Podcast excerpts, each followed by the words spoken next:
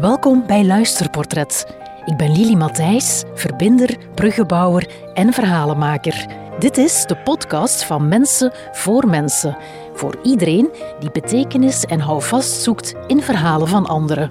Uh, als je met iets nieuw komt waar dat je in gelooft dat het een stap vooruit is, dan moet je een tijd het uitzweten en mogen je dus niet te vroeg capituleren. Want ontdekking van de meerwaarde komt pas na een tijdje.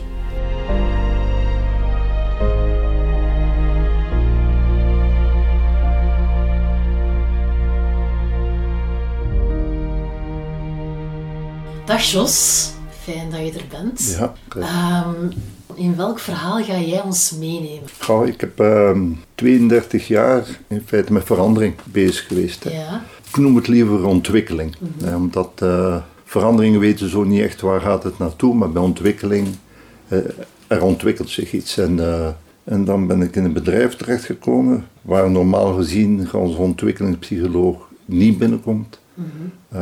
en daar heb ik in feite mijn leven beleefd. Hè. 32 jaar uh, beleefd in een organisatie die voortdurend in verandering was? Ja, ja, ja, ja. ja. Het is een, een, een, een groot autobedrijf.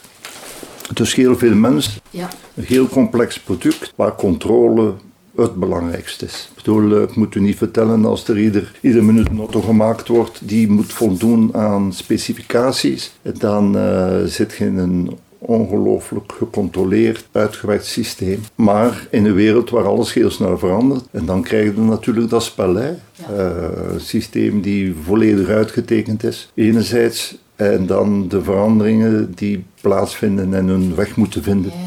Ja, ja, uh, ik hoor jou zeggen, hè, meer dan 32 jaar. Je komt daar dan 32 jaar geleden toe als jonge snaak. Dat is zo, ja. En ja, uh, dan ben ik wel heel benieuwd naar hoe dat je ja, zelf die reis beleefd hebt. Ja, ja, ja, die verandering. Hoe, hoe, keek jij daarnaar in het begin? Wel, ik moet, moet zeggen, voor, voordat ik in bedrijf was, uh, zat ik meer in een andere sector. Dat noemen ze in de tijd PMS, Psychomedisch Sociaal Centrum. En uh, ik had ook maar een, een rare zicht op bedrijfswereld. Hè. Dat is zo van, uh, voor mij was dat nogal grijs en donker. Maar dat waren tijden dat het moeilijk aan werk uh, geraken was. En dus ben ik daar toch mm -hmm. uh, binnen, binnen geraakt. Hè. Ja. En ehm, ik moet, moet, zeggen, ik heb een jaar gekregen om mee in te werken. Dus om, om contact te leggen met allemaal voornamelijk toen de, de supervisor, de leidinggevende. Ja. Um, om gewoon de sfeer en de cultuur te leren kennen. En na de jaren was ik toch wel veranderd van idee. En ik heb daar echt gewaar worden dat het daar een groot besef was dat ze met mensen werkten. Uh, omdat uiteindelijk in zo'n systeem, als mensen niet mee willen, dan hebben ze geen auto's niet meer. Dus vanuit de misère en de nood uh, had men daar geleerd van oei, we moeten echt rekening houden met mensen. Maar maar ze hadden er nog niet te veel kaas van gegeten. Hè. Laten we zeggen, heel veel ingenieurs, uh, heel veel techniek, heel veel uh, technologie. Het moet allemaal efficiënt lopen. Mm -hmm. uh, maar men was wel heel leergierig. Men stond wel lopen van, men wist dat er daar ergens een sleutel zat. Dus op dat vlak, moet, moet ik zeggen, heb ik daar wel de kans gekregen om een bijdrage te leveren. want welk mandaat heb jij dan gekregen?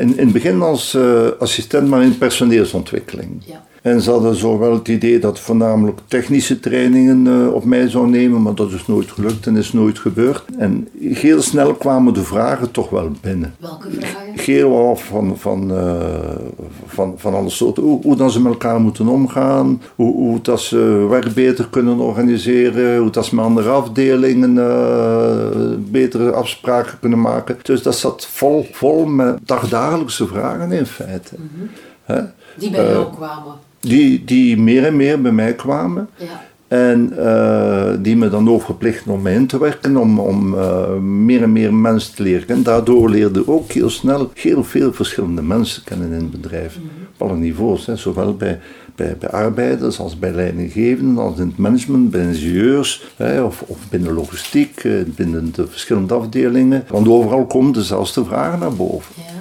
vragen waar ze niet echt zich in thuis voelden. Ja, en als je zo terugkijkt naar die vragen, wat, wat was er in, zag je, heb je een rode draad gezien in die vragen? De, de, ja, toch wel. Hè. Het idee was toch wel, of zo waren bedrijven ook uh, georganiseerd. Hè. Dat is, uh, heb denkers, heb doeners. Heb denkers en uitvoerders. Dus men had opgesplitst hè. In, in al dat soort van bedrijven. Sommigen moesten verstand gebruiken, anderen moesten het doen.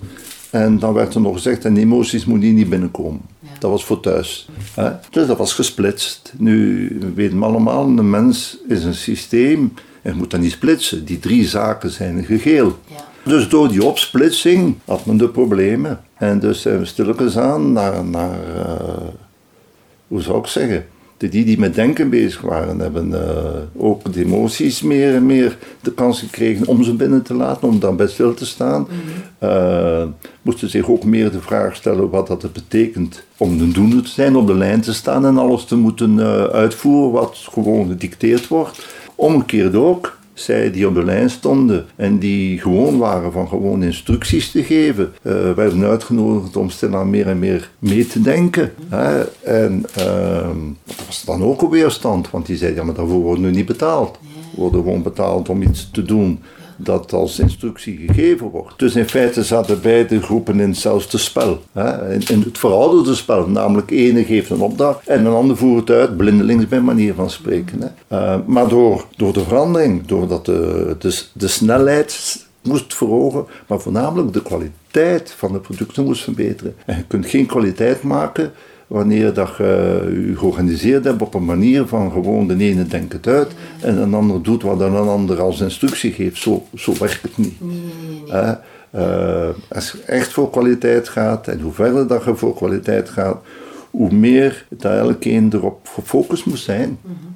om in stukken dat die doet, het zo goed mogelijk te doen. Ja. En was het jouw taak om om dat bij, bij elkaar te brengen dan? Wel, uh, ja, wel, één, één, het waren ook nog andere, maar ik herinner me heel goed. Dus in het begin uh, was mijn opdracht om een continu circuit op te bouwen. Dat waren in feite uh, 17 dagen sociale vaardigheden. Ehm, dus dat was een stuk knop gestart een paar jaar voordat ik er was, maar met externe consultants. Maar het, uh, men had besloten om het intern te gaan organiseren. Precies om de reden wat ik daarnet verteld heb, dat men gewaar werd die opsplitsing. Uh, dat is een stuk achterhaald, zo gaan we er niet geraken. En toen kwam er een, uh, een opdracht vanuit Zweden om de 850 in Gent te maken. dat was de eerste keer dat in feite een nieuw model buiten Zweden werd opgestart. Maar men had het idee van, uh, oei oei, het is goed, uh, wel, maar het is een beetje een vergiftigd geschenk, want we krijgen niet dezelfde capaciteit en mogelijkheden dan normaal de Zweden krijgen. Dus ging men in Gent op zoek naar een oplossing. En er was iemand die daar ergens een cursus had gevolgd rond Teams. En uh, die kwam terug en die zei, ah zeg, blijkbaar kun je met hetzelfde aantal mensen veel meer bereiken, maar je moet het dan organiseren als teams. Ja. En dat klonk natuurlijk vrij goed in de oren van het management. En de, de vrijdag zeiden we gaan dat doen en de maandag verwachten ze al dat er was. Natuurlijk, zo zit het niet in elkaar. Uh, dus dat was het begin van het uh, op zoek gaan, hoe kunnen we teams organiseren binnen het bedrijf. En niemand had daar uh, ervaring in. Je hebt daar twee kanten aan. De technische. Technische komen uitwerken. Ik bedoel, als je met teams werkt, dan moet je elkanders werk overnemen. En, en op de lijn moet je dan uh, ook gaan splitsen en bepaalde mensen samenstellen. Dus dat is meer een technisch verhaal. Maar het andere gedeelte van, wat is dat een team voor mensen? Daar was niemand in thuis. En dan kwamen ze terecht bij mij, omdat ik toch die man was die met sociale vaardigheden bezig was. En dan hebben we in feite een zevendaagse uh, in elkaar gestoken voor alle leidinggevenden. Zeven dagen is uitzonderlijk veel. Vijfdaagse voor de procesbegeleiders. Want tot dan was het een technisch gebeuren met procesbegeleiders op de lijn. En die moesten omgeturnd worden naar teambegeleiders. Nu, dat betekent wel, die procesbegeleiders waren gekozen voor een technische expertise. En teambegeleiders moeten dan precies heel goed zijn in het begeleiden van mensen. Dus dat was ook niet zo vanzelfsprekend. Dus die kregen een vijfdaagse opleiding. Dat ging veel meer rond interactiviteit. Eh, dat voor de leidinggevende ging veel meer rond een context creëren voor alle mensen. En al de rest uh, in het bedrijf kregen tweedaagse, zodanig dat ze er ook een gevoel voor hadden en konden supporteren voor al hetgeen dat gebeurde. Dat er geen weerstanden gingen uh, ontstaan. Dat is een, een, een heel, heel grote beweging geweest. Een grote beweging naar, naar iets nieuws. Nou, nou echt, dat is een transformatie, hè, omdat je daar heel wat uh, vanzelfsprekendheden echt door, doorkruist. Als ik bijvoorbeeld uh, zeg dat op de lijn mensen jaren op dezelfde post stonden, dat was dus hun post. En stond daar een kast in de radio. En dat was hun kast en hun radio. En bijna van de ene dag op de andere dag gingen er, hè, omdat in teams wordt geroteerd, gingen de drie anderen aan hun kast gaan staan, op hun post gaan staan. Hè. Dat, dat, dat, zijn, dat zijn ongelooflijke veranderingen voor mensen. Ja, want dat was op dat moment not done. Dat was uh, not, not, not done, hè. dat was een, uh, laten we zeggen, hun, hun comfortzone, hun, hun zekerheid werd daar ondergraven. Hè. Um, nu, daar kwam ook weerstand tegen, wat we op voorhand wisten, wat dat te begrijpen was. Dus moesten we, en dat weten we, lang genoeg het uitzweten. Uh, als je met iets nieuw komt waar dat je in gelooft dat het een stap vooruit is, dan moet je een tijd het uitzweten en mogen je dus niet te vroeg capituleren. Want ontdekking van de meerwaarde komt pas na een tijdje. Ja. Dat, dat, betekent bijvoorbeeld voor die, voor die mannen, moet je voorstellen, en, en dat wisten we voorhand ook niet welke al de effecten waren. Hè. Maar bijvoorbeeld, als je een hele dag op dezelfde post staat, dan gebruik je altijd dezelfde spieren. Als je om de twee uur wandelt, dan gebruik je volledig een, een, grotere set van spieren. En ze werden daar gewaar s'avonds in hun zetel dat er al een verschil was. Maar werden ze nog gewaar dat een dag korter was. Want acht uur op dezelfde plaats of vier keer twee uur, dat is ook een verschil. Wat veranderde nog? ja, als je allemaal op dezelfde post blijft staan, over wat moeten spreken. Want elk heeft zijn, heeft zijn ervaring.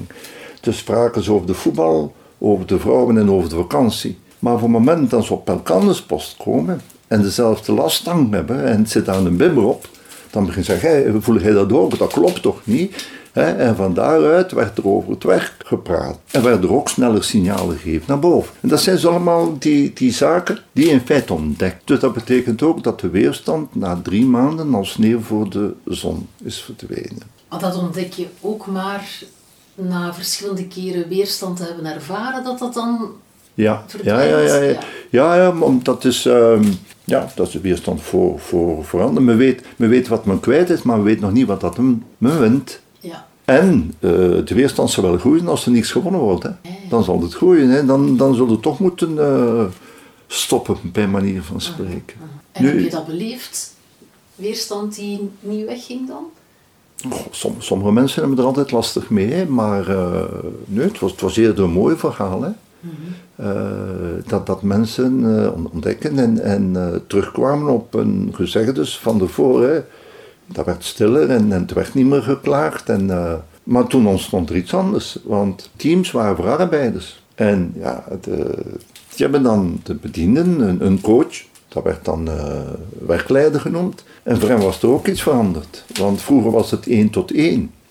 En dat betekent dat de werkleider altijd het laatste woord had. Maar nu was het in één keer een werkleider ten opzichte van een team. En de machtsverhoudingen waren verschoven. Dus die begonnen op de deur te kloppen. Hé, hé, hey, we kunnen, er kunnen geen baas niet meer over. En dus moest daar een oplossing voor gezocht worden. En toen zijn we pas begonnen met teams voor bedienden. En voor bedienden, voor iedereen, bedienden en management. Maar we hebben het clusters genoemd. En waarom hebben we het een andere naam gegeven? Omdat het uh, ook de buitenkans was om een sprong te maken in teamwerking. We konden van eerste keer bedienden, die, die werken ook in met meer ruimte minder duidelijkheid. De arbeiders aan de lijn is, is een echte wereld van duidelijkheid en minder ruimte. Door teams hadden we daar meer ruimte in gekregen. Bij bediening is dan weer iets, iets anders. Hè. Daar is er veel ruimte, dus je moet een, eh, als je aan teams begint, eh, een soort van duidelijkheid, een gezamenlijke duidelijkheid gaan creëren. Dus dat werden uh, clusters en daar hebben we dan een driedaagse buitenbedrijf uh, voor gegeven, zodat we daar de start konden geven van clusters. En hebben ze dan in feite in de organisatie uh, ook veranderd. Daar waren dan clustermeetings en daar waren clusterdagen, dus dat moest echt georganiseerd worden. En werd begeleid zodanig dat we zeker waren dat die, nieuwe organisatievorm, uh, dat die er wel degelijk overal uh, werd, werd opgebouwd. En daar heb je dan ook weer een zweetperiode nodig. Ik bedoel, je moet dat ook weer lang genoeg volhouden tot op het moment dat men de, de baten er echt van gewaar wordt. En op het moment dat men de baten van gewaar wordt, dan draait dat. Dan gaat dat verder. Dan zal men het zelf wel gaan beschermen. Ja, maar dat moet toch een lastige periode zijn, die periode waarin dan men die baten nog niet ziet dan? Ja, ja, ja. ja. ja, ja. Maar toen hadden we dat was het moment dat we al een, uh, dat was vol interface, dat was personeels- en organisatieontwikkeling, waren met twaalf, een twaalftal mensen. En dat was dan bijna onze exclusieve job om, om, om ervoor te zorgen dat dat begeleid werd uh, en, en erop toe te zien dat, uh, laten we zeggen, het proces gevolgd werd. Hè? ja, je kunt dat zomaar niet, niet, niet loslaten of, of veronderstellen dat dat vanzelf gaat komen. Ehm, Nee, dat moet heel veel betekenis krijgen. Uh, mensen moeten door ervaringen gaan, moeten ontdekkingen doen, moeten vragen kunnen stellen. Dat, is echt, dat is ook een, met een heel open instelling en, en, en dialoog. Ja. Maar dezelfde tijd niet te snel ehm, terug, terugkeren. Dus er zit ook wel een bepaalde standvastigheid. -hmm. Standvastigheid in. Wetende dat dat een periode gaat duren, niet lang mag duren, want dan klopt het niet. Hè? Ja. Als je zo terugkijkt nu naar jezelf in, in, in heel dat proces, ja. Ja, hoe, hoe kijk je dan naar jezelf, naar, naar de rol die je daar hebt uh, ingenomen? Um, goh, wat, wat uh, in, in, dat soort, in, in, dat soort zaken denk ik dat dat ook wel de rol is die ik het meest heb gespeeld. Hè. In het begin noemden ze mij de zwever. Ja. De zwever. Het is te zeggen, uh, Ikzelf moest natuurlijk voor dat soort zaken heel sterk overtuigd zijn en, en een heel helder beeld hebben.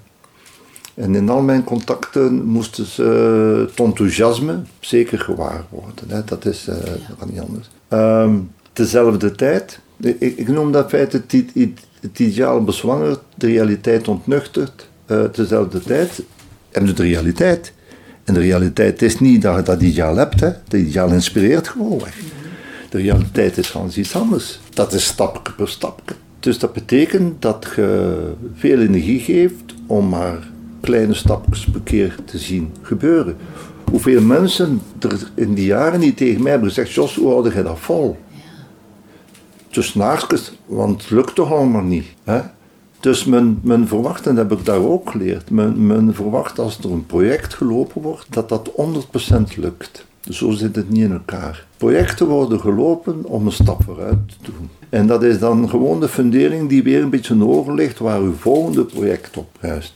Ik herinner me als ik binnenkwam in Volvo, dan uh, met mijn coach Carlos die nam me mee in de fabriek om de, resultaten van moderne aanpak, dat was een project juist voor mijn periode, om dat te tonen. En hij liep in de fabriek en hij toonde mij, zegt kijk dat parket onder de lijn, dat is een resultante van dat project. Dus die kon mij tonen wat het opgeleverd had. Maar als ik op andere plaats kwam binnen het bedrijf, dan zei ze, ja die moderne aanpak, dat je niks oplevert, dat project. Hè. Dus je hebt mensen die denken, als het niet 100% is, dan is niks. Terwijl dat het projecten precies stappen vooruit zijn, maar er gaat nooit 100% halen. Hoe kun je op voorhand weten wat, wat dat het gaat zijn? Dat kun je niet. Dus op, op dat vlak, dat is dus een, een bepaalde houding dat, dat ik uh, heb, is, is goed beseffen dat de realiteit ontnuchtert. En uh, dat, was ook, dat is ook wel belangrijk, hè, want binnen het bedrijf noemen ze mij de zwever, laten we zeggen de abstracte. Maar als ik buiten het bedrijf kwam, omdat ik daar ook ging gaan spreken, dan zeiden ze Jos de concrete. En door die twee stemmen te horen, wist ik, ah, ik speel nog, speel nog mijn rol. Um, het is ook zo dat je, zou ik zeggen, in, in, de, in de groep van mensen hebben altijd mensen die meer gevoel hebben voor hetgeen dat aanbrengt dan anderen. Als je continuum hebt, dan hebben ze de, de gele concrete, die staan, laten we zeggen, staan aan het verst van het nieuwe idee. De mensen die iets dichter staan, nog iets dichter staan. En dat worden de vertalers. Dus je hebt altijd een, een groep die enthousiast Ja. wordt, eh, maar die collega's zijn of, of eh, concreter zijn en, en meer de realiteit eh, in het werk staan, die doen daar een vertaalslag en zo gaat dat verder. Het, het voornaamste is de input, denk ik. Hè. Als er dat soort zaken bezig zijn, is heel sterk vertrouwen op hetgeen wat dat je brengt en dan met enthousiasme blijven doen, wat dat er ook gebeuren. Feedback krijg je wel, Ehm, want een output kan soms lang duren. Ja. De- eh, Wat ik mij bijvoorbeeld herinner is, als ik dan... Ik kon soms horen, in een koffiehoek, als ik een training gaf, eh, dat iemand mij zei, Jos, acht jaar geleden heb je dat verteld. En ik gebruik dat nog altijd. Ehm, dus dat zijn van die, die zaken, dat is een, een feedback acht jaar later orde, zoiets. Dus je moet ervan uitgaan dat wanneer je iets doet, dat de zaken blijven hangen en dat dat zijn weg verder vindt. Ehm, hoe dat dan loopt en waar dat, dat uitkomt en bij wie. Oké, het, het is uw input die echt heel, eh, wat dat je met heel veel intensiteit en kwaliteit moet voorgaan. En, en de rest komt dan, komt dan wel. Ja. Hè? En ehm hij krijgt dan, dus dat vraagt een bepaalde gevoeligheid voor feedback ook. Hè? Ik bedoel, eh, wat anderen niet zien, en die komen dan zeggen dat jij dat volhoudt, maar jij ziet het aan anderen en je voelt het of hoort bepaalde commentaren en, en dat zorgt ervoor dat de motor blijft draaien natuurlijk. En dat is niet alleen in mijn werk, ik denk dat dat voor iedereen geldt. Hè? Nu, Hans, dat teamgebeuren, dat zorgt natuurlijk voor, als je niet oplet, voor eilandjes. Laten we zeggen, voordat we teams hadden, hadden we allemaal individuen. Nu, we hebben ook geleerd, als het allemaal individuen zijn, dan is er, dat is moeilijker, bij manier van spreken, te controleren dan teams. Als we over controle willen spreken. Eh, omdat dat allemaal los, zand is. Het- een, een aan, aan team is, zeker als er daar, stel dat er tien mensen zijn in een team, dan moet je er wel voor zorgen dat er sommigen zijn met meer ervaring, dat er een diversiteit is sowieso, maar met meer ervaring. Waarom? Omdat je binnen een team, ehm, hoe zou ik zeggen, evenwicht moet, moet kunnen. Als er storende elementen komen, het zijn allemaal jonge mensen met weinig ervaring, dan gaan ze elkaar zot maken, bij manier van spreken. Maar als er al sommigen door, door het vuur zijn gegaan en, en al ervaringen, die kunnen zeggen, maar ja, heb je daar aan gedacht? En, en, en ontstaat een soort van dialoog en bijsturing, waardoor men in feite allemaal op een hoger niveau komt. Men, men leert, men, men, men geeft het eh, rijkere betekenis. Ja. Ja, dus die kracht van het team hebben we echt wel, wel eh, ontdekt. Maar een ander gegeven is natuurlijk dat men aan elkaar gerecht geraakt. Dat dat sterke teams worden met, met, eh, met een geschiedenis, met, met eh, mooie resultaten, met sterke eh, vriendschap, met, met sterke gevoelens. Ja. Nu in een wereld waar alles heel snel verandert, begint dat averechts te werken. Hè, want we moeten snel kunnen herorganiseren en, en mens, bij, bijna mensen laten stromen in plaats van vastzetten. Dus teams, voordat je het weet, worden te vast. Dus te- zijn we van daaruit meer en meer beginnen denken rond netwerken.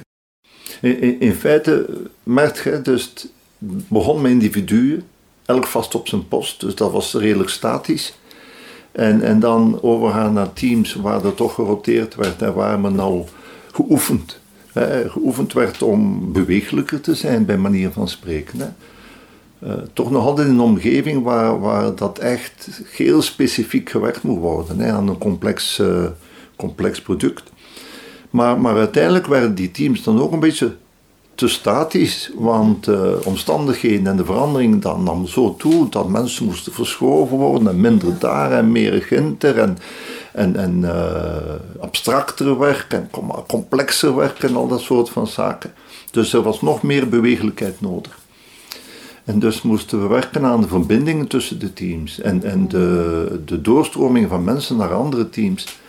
En dat was op zich ook geen, ehm, geen geschenk, want men was nu e- eenmaal gewoon aan, aan hun teams. En eh, supervisors die hadden het moeilijk om te gaan zeggen tegen mensen, je moet naar een ander team. En die kwamen met lijkbiddersgezicht daartoe, om te zeggen, het was gelijk dat er iets oneerlijks gebeurde.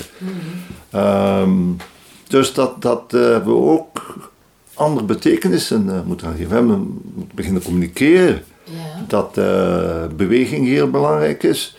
We hebben dan bijvoorbeeld ook het, het beeld van een leerkracht van het vijfde studiejaar gaat ook niet van alles doen om zijn gasten in het vijfde studiejaar te houden. Nee, die doen van alles om ze naar het zesde studiejaar. Dus een teambegeleider zorgt ervoor dat teamleden krachtig zijn, waardoor ze in andere teams uh, echt heel waardevolle bijdragers kunnen leveren. Hè. Mhm. Dus de betekenis van beweging moest werkelijk omgeturnd, omgeturnd worden. Ja. Um, en, en hoe, hoe, deed je dat dan vooral? Goh, op, op, verschillende manieren. Hè. door erover te praten, mhm. door, gelijk dat ik daarnet gaf, beelden te gaan gebruiken, waardoor er in één keer toch wel een switch was van betekenis geven. Een leerkracht die uh, doet van alles om ze te laten vertrekken en niet om ze te houden, bijvoorbeeld. Ja. Ehm, maar binnen het team werd er ook uh, meer en meer flexibiliteit in ingewerkt. Hè. Bijvoorbeeld, het was niet alleen nog maar de auto-assembleren. Uh, we hadden dan ook het cusidisme. De ene was verantwoordelijk voor kwaliteit, de ander voor doorlooptijd, de ander voor hoe dat het met de mensen ging in het team. En dat waren dan weer aspecten waar dan ze verbonden waren met collega's in andere teams. Dus een die bezig was, laten we zeggen, met de vakantieplanning in het ene team, die zat samen met uh, de die die bezig waren met de vakantieplanning in andere teams, waardoor ze buiten hun team al contacten hadden en, en ook wisten dat de wereld groter was dan hun team. Mm dus dat zijn allemaal geleidelijk veranderingen waardoor het opener en opener getrokken wordt. En, en uh, mensen ook wel het uh, groene gras op andere plaatsen beginnen te zien. En, en ook... Wat heeft daar dan eigenlijk het, het, volgens jou het meest geholpen? Kijk, ik heb zo het idee van moment, hè, als je spreekt over persoonlijke ontwikkeling, personeelsontwikkeling enerzijds en organisatieontwikkeling. Anderzijds dat beide uh, elkaar moeten helpen. Want heel gemakkelijk werkt het ene tegen het ander. Het heeft, het, heeft, heeft, weinig, het heeft weinig zin om, laten we zeggen, uh, met mensen te, te praten over, over beweging en verandering en, en, nieuwe beelden aan te brengen en ze uh, in, inzichten mee te geven. Enerzijds als de organisatie rond hun niet in dezelfde richting duwt. En dat zie je nog een keer. Hè, dat, uh, ze zeggen nogal, iemand gaat naar opleiding, komt terug. Ja. En uh, merkt dat de omgeving zelfs is gebleven. Voordat het weet is, dat, is de nieuwigheid gestopt. Ja. dus ik heb, ik heb, uh, ik heb, ik heb uh, gelijklopende verandering nodig. En daar moet je heel, heel sterk bewust van zijn. Ja. Ehm, in, in ons in totaalbedrijf hebben we dat gehad tussen de, de zelfbeheerorganisatie enerzijds en de lerende organisatie. Eh, als je over teams spreekt en over netwerken, eh, dan in de volgende stap werden dat zelfsturende teams en zelfsturende netwerken. Uh, dus waar dat er nog de, te kunnen regelen groter werd. Het mandaat om te regelen binnen een team werd, werd groter. En dan noemen we de enerzijds de, de zelfbeheerorganisatie. Maar als je meer verantwoordelijkheid geeft, dan moet je ook voor zorgen dat in de omgeving de condities en de middelen en mogelijkheden ook meer zijn. Want verantwoordelijkheid geven en niet mandaat krijgen, dat klopt niet. Of met andere woorden, tezelfde tijd moet je een omgeving creëren uh, die ondersteunend en voedend werkt. Noem het de lerende organisatie. Als een van die twee niet achterblijft, dan een probleem. Als je voornamelijk een zelfbeheerorganisatie hebt, met weinig lerende organisatie, dan zijn die serieus bezig met mensen. Want je verwacht veel van hen, maar ze krijgen de mogelijkheden niet. Maar als je lerende organisatie hebt met veel mogelijkheden en geen zelfbeheerorganisatie, dan zie je veel hobbyisme ontstaan. Dan gaan mensen naar de cursus om dan eens weg zijn van hun werk. Mhm, mhm. Dat is ook niet de bedoeling. Dus die twee samen, en dat zal altijd een verschil op zitten, daar zit altijd een spanningsveld op, maar je moet op die twee samen keer op keer werken. Mhm, mhm. En het zal altijd een beetje geneut worden. Ja, En heb jij dat spanningsveld ook? Ja, ja, ja, dat, dat is het. Naar, naar gelang met wie je zit, over de ene kant of over de andere kant. En, maar dat is normaal. een beeld die ik daarvoor gebruik is, ehm, ik zei in de tijd, in Antwerpen, als de ene roept ons privacy, dan roept een ander, hey, uh, blauw op straat. Nu, als je een van de twee stemmen niet meer hoort, heb je een probleem. Je moest ze dus alle twee horen. Maar als je aan de kant bent van privacy, hoor je niet graag blauw op straat. En als je aan de kant bent van blauwe straat, hoor je niet graag privacy. Maar het grote probleem is als je een van de twee niet meer hoort. En dat is zelfs een bedrijf. Ja, ja. Dus, was het jouw rol om ervoor te zorgen dat, dat alles nog gehoord werd? Ja, ja. Ehm, en, en, en ook uh, om, om duidelijk te maken dat we content zijn als je het al twee hoort. Dat je dat niet moet als een faling, als mislukking, maar uh, in tegendeel, uh, dat dat ervoor zorgt dat het lukt. Mhm. En dat is de, de, de, problematiek nu, want diversiteit is zelfs natuurlijk. Alles van, van diversity ja, dat is uh, conformiteit en diversiteit. Dat is hetzelfde. Ja. Je, hebt, je hebt verschil nodig en je hebt gemeenschappelijkheid nodig. Voilà. En je moet niet alleen over verschil spreken, nee, je moet ook over het gemeenschappelijke spreken. Of niet alleen over het gemeenschappelijke, ook over het verschil. Ja. En, en dat is dan uh, in de netwerkwereld, hoe meer dat je netwerken hebt, gewoon door in netwerken te werken, leren mensen dat omdat netwerken een veel grotere diversiteit is. en dat je daardoor uh, in, in één keer de, de, kwaliteiten van de anderen nog meer begint te zien. in teams. Stem ja, voilà. voilà. In, in teams was dat al begonnen, hè? Want stel je voor, hè, daarvoor stonden ze allemaal op een post. Dan kon ze jaloers zijn om die die op een andere post stond. Zeggen, ah, die heeft chance. Maar op het moment dat ze een team waren en roteerden, dan kwamen ze ook op die post. En in één keer begonnen ze elkaar beter te begrijpen en uh, konden ze het verschil beter plaatsen en, en, was er meer een integratie. Dus daar werden ze al een eerste keer geoefend. Van het moment dat je naar netwerken gaat, komt in een horizon en worden nog een keer geoefend in, in, in verschillen en in de, het, het, het leren appreciëren van de kwaliteiten van een ander. Als individu, als ze alleen stonden, was het gevaarlijk om te zeggen dat een ander goed was. In het team heeft men geleerd van, ik kan niet in alles de beste zijn. Uh, hij is daarin goed en ik ben daarin beter. Dus ehm, dat, dat was genuanceerder. En in netwerken waar de verscheidenheid nog groter is, waar men echt uh, in, in aanraking komt met, met totaal andere standpunten, krijgt men de kans om daar ook wel een stuk waarheid in te gaan ontdekken. Dus in, feite, door die nieuwe werkorganisaties, krijg je een, een, uh, bijna een, een, een natuurlijk leren rond, rond uh, verschil en, en diversiteit en andere perspectieven en, en met verandering omgaan. Ja, ja. ja. Um, en, en dat zijn.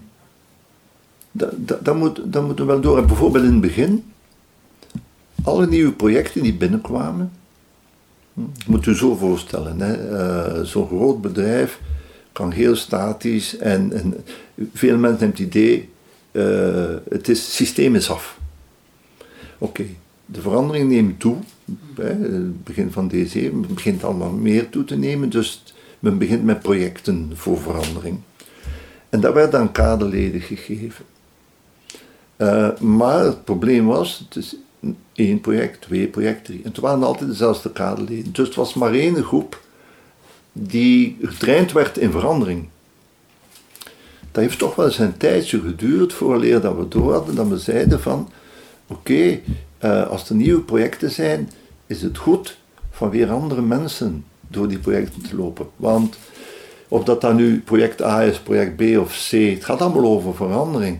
Uh, hoe meer mensen de kans krijgen om daar een, een rol in te spelen, hoe, hoe meer getraind worden in, in, verandering. Je moet niet altijd dezelfde. Want dat was nog vanuit het idee, dat zijn de die die de instructies geven aan de anderen en de anderen moeten gewoon uitvoeren. Mhm. Maar gewoon uitvoeren. Ja. Dat gaat, dat gaat niet meer. Eh, maar dat dan, en dan komt ook weer bij hoe dat je naar mensen kijkt. Hè. Welk is het beeld die je hebt van de ander? Ehm, dat hebben we ook meer en meer omgeturnd dat elkeen binnen een bedrijf een specialist is. Ja. Ook de man op de lijn. Hè. Al, al gelooft hij misschien in het begin zelf niet.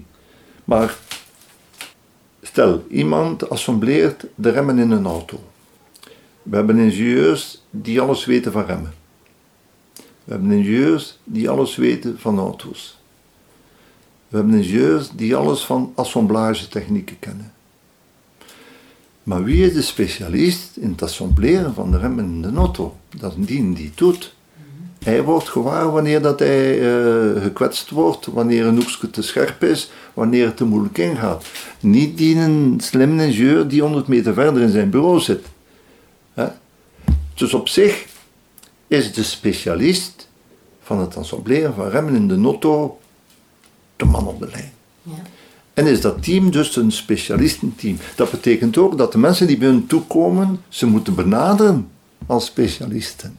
Specialisten die dus veel kennis hebben en ze dus aanspreken en vragen stellen. In de plaats van instructies te geven. Ja.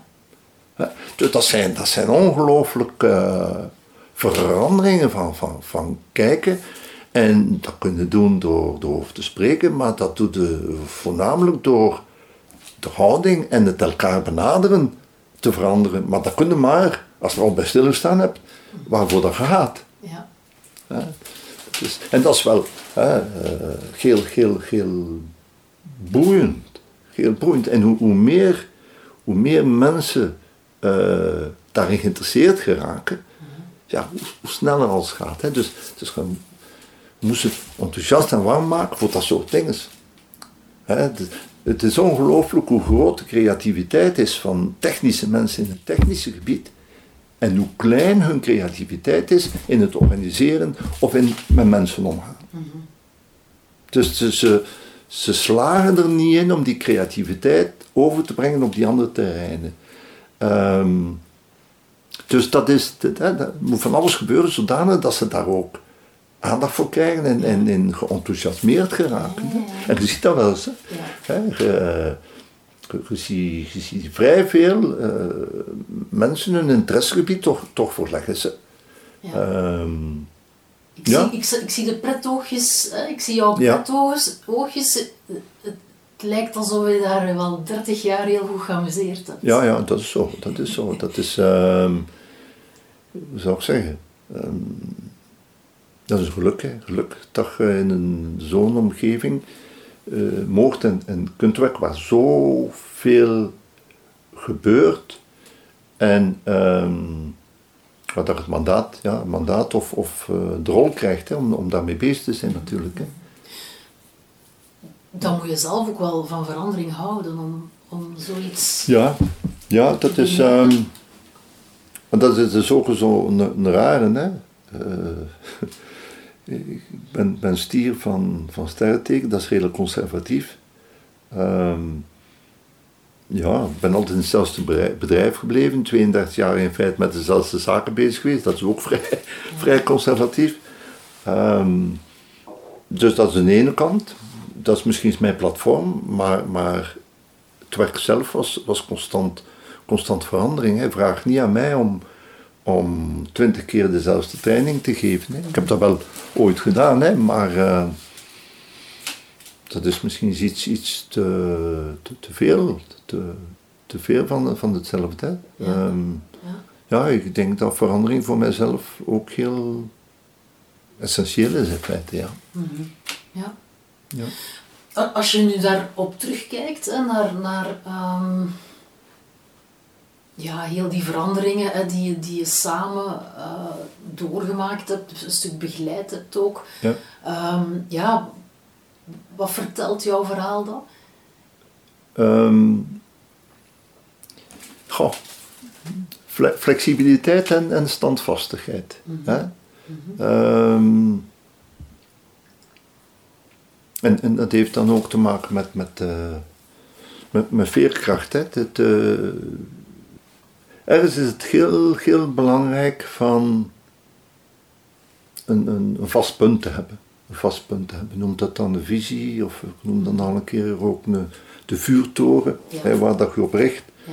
Ehm, want dan mag er nog zoveel storm zijn. Uw boot mag nog zo weggeslagen worden, komt keer op keer weer op traject. Maar het is geen rechte, het is geen rechte baan, hè. maar je hebt, je hebt, een, je hebt een, vast, een vast punt. Dus het is de combinatie van die twee. Ehm, hopelijk is het, is het zo dat de flexibiliteit niet op plaats gebruikt wordt waar daar standvastigheid nodig hebt en omgekeerd. Hè? Eh, ik denk, dus het, ideaal, het ideaal moet heel standvastig zijn, maar is het er niet. Dat is een inspiratie. Eh, maar in de realiteit moet je echt flexibel, flexibel zijn. Ehm, de- ook niet te persoonlijk nemen. Ja. Ehm, de verschillende stemmen echt, echt horen. Ehm, ook weten dat mensen niet allemaal op dezelfde lijn staan om naar het doel te gaan. Hè. Het is eerder in de cirkel. Als het doel in het midden is, het middenpunt van de cirkel, dan zie je dat de een er op 2 meter van staat en de andere op een andere plaats op 8 meter en de andere 10 meter. Dus ze lopen allemaal een andere weg naar dat punt. Dus ze kunnen ook niet op hetzelfde moment toekomen. Ehm, dus dat, dat betekent dat je, ja, niks absoluut, heel veel relativeren. Ja. Heel veel, rela- ook geduld. Ja, wat er bij mij heel sterk naar boven komt, is zo... ehm, wat, je hebt dat ook ergens aangehaald, hè. ehm, zo, ja, het, het is eigenlijk de weg, hè. Het is, Ja. het is de weg die belangrijker is ehm, dan, dan waar, gaan we, allee, waar gaan we naartoe. Dat punt moet er wel zijn. Ja, Maar die weg is zo... Is, is, heeft wel wat onvoorspelbaarheden, hè. ja, ja en, en ehm, dat, waarom met dat punt daar naartoe is er nog niet. Maar het werd wel niet alleen als, als eh, richtinggevend, maar het toont u mogelijkheden in de realiteit. Het is te zeggen, ehm, je gaat al, allemaal de, de kruispunten in de realiteit, ga je andere keuzes maken omdat je die vuurtoren of, of dat ideaal hebt. Je, je, je ziet andere mogelijkheden en je gaat dus de- keer op keer andere keuzes maken, waardoor dat je er eh, gemakkelijker eh, aan, aan toekomt en, en sneller aan toekomt. En Dus dat is het de is ook een soort van zoeklicht, hè, van, van, van verlichting die je krijgt. Dus dat is een van de problemen. Hè. Dus zij die geen heldere visie hebben, zijn cynische mensen. Omdat ze de toekomst willen bouwen uit de modder van vandaag. Dat kan niet, hè. Nu, zij die ehm, enkel met ideaal bezig zijn en te weinig oog hebben voor realiteit, dat heb ik ook gemerkt. Dat is, eh, dat is ook not on, hè. Want dat zijn dan de die, en dat zie je voornamelijk bij het management. En dat zie je ook nogal een keer in de, in de kwaliteitsafdeling. dat zijn die die zeggen, dat moet het zijn. En ze merken dat er niet is. En ze beginnen eh, echt te wijzen op, op de gap. Het is niet omdat je een ideaal hebt en zegt, dat is het ideaal dat je er vandaag bent, hè, zeg. Eh, de, weg, de weg daar naartoe moet afgelegd worden. Ja. Ja. Dus dat zijn ehm, enerzijds eh, dus een de, de realisten die cynici worden, en dan bij het management en de, laten we zeggen ook HR en zo, hè, die zeggen: Kijk, men heeft ons toch gezegd dat dat is dat je moet doen, en ze doen het niet. En die in feite dus te- daarover klagen en erop afgeven. Terwijl dat het de twee is. Eh, elkeen toch wel een, een, een, een- een ideaalbeeld dat inspireert en dan in de realiteit gewoon stappen zetten. Eh, wellicht een paar andere keuzes, maar die haalbaar en mogelijk zijn in de realiteit. Eh, mm, maar die er wel toe leiden dat je er eraan geraken. Ehm, ja, Ja, je, je zei ergens in het begin dat ze jou een, een zwever noemden. In het begin, hoe zouden ze jou nu noemen? nu niet meer, nu niet meer zweven. Hè. Ehm, Wat dan wel? Goh, dat, dat, dat, is, ehm, dat is verdwenen. Ehm, het, het feit dat ze beroep doen op mijn, op mijn diensten. Uh, zeg, zeg heel veel. En, en ik, uh, bijvoorbeeld, ook, en dan is er mij daar iemand ook nog komen, komen zeggen, hè, de totale verandering van autostrategie. Als we Chinees werden en, en Gili, uh, dat werd maar vanuit Zweden slordig gecommuniceerd. En oké, dan uh, heb ik dat gebracht naar, naar alle bedienden in het auditorium. Maar dat, was, dat gaat over technische, technische zaken. Um, maar, maar ik heb me daar heel sterk uh, in, in gewerkt en ik heb daar een, een, krachtig verhaal kunnen brengen. En dan hebben ze mij inderdaad ook komen zeggen dat ze niet gedacht hadden dat ik uh, daar zou geïnteresseerd zijn en, en dat zo zou, zou kunnen brengen. Dus ik heb het geluk gehad van in een heel realistische werkomgeving te zitten. Stel je voor dat ik met mijn ideaal in een organisatie zat van allemaal idealisten. Ja. Dat zou niet goed gekomen zijn. Hè? Uh, ik heb dus uh, heel, heel veel geleerd en ik denk dat ik voornamelijk gegroeid ben door, zoals ik ben, in een auto-assemblagefabriek. Te hebben kunnen werken. Ja. dat is. Um, en, en, ja, en ook in slaagt dat ze me niet buiten smijten. Hè? Bedoel, ja. bedoel uh, dus mijn, mijn, toch mijn deel blijven doen. Mm -hmm. uh, heel veel veranderingen in de omgeving. Zij die het snappen en niet snappen, uh, die bepalen en niet bepalen. en, en ja, dat was ongelooflijk boeiend, hè? Ja. ja. Bedankt voor het luisteren. Wat heeft dit verhaal voor jou betekend? Misschien wil jij ook een verhaal delen en anderen mee inspireren? Deze podcast organiseert een online event op woensdagavond 9 maart. Wil je erbij zijn? Schrijf je in via de website luisterportret.be. Het zou fijn zijn als je de podcast volgt of erover vertelt, zodat er nog meer gesmuld kan worden van betekenisvolle verhalen.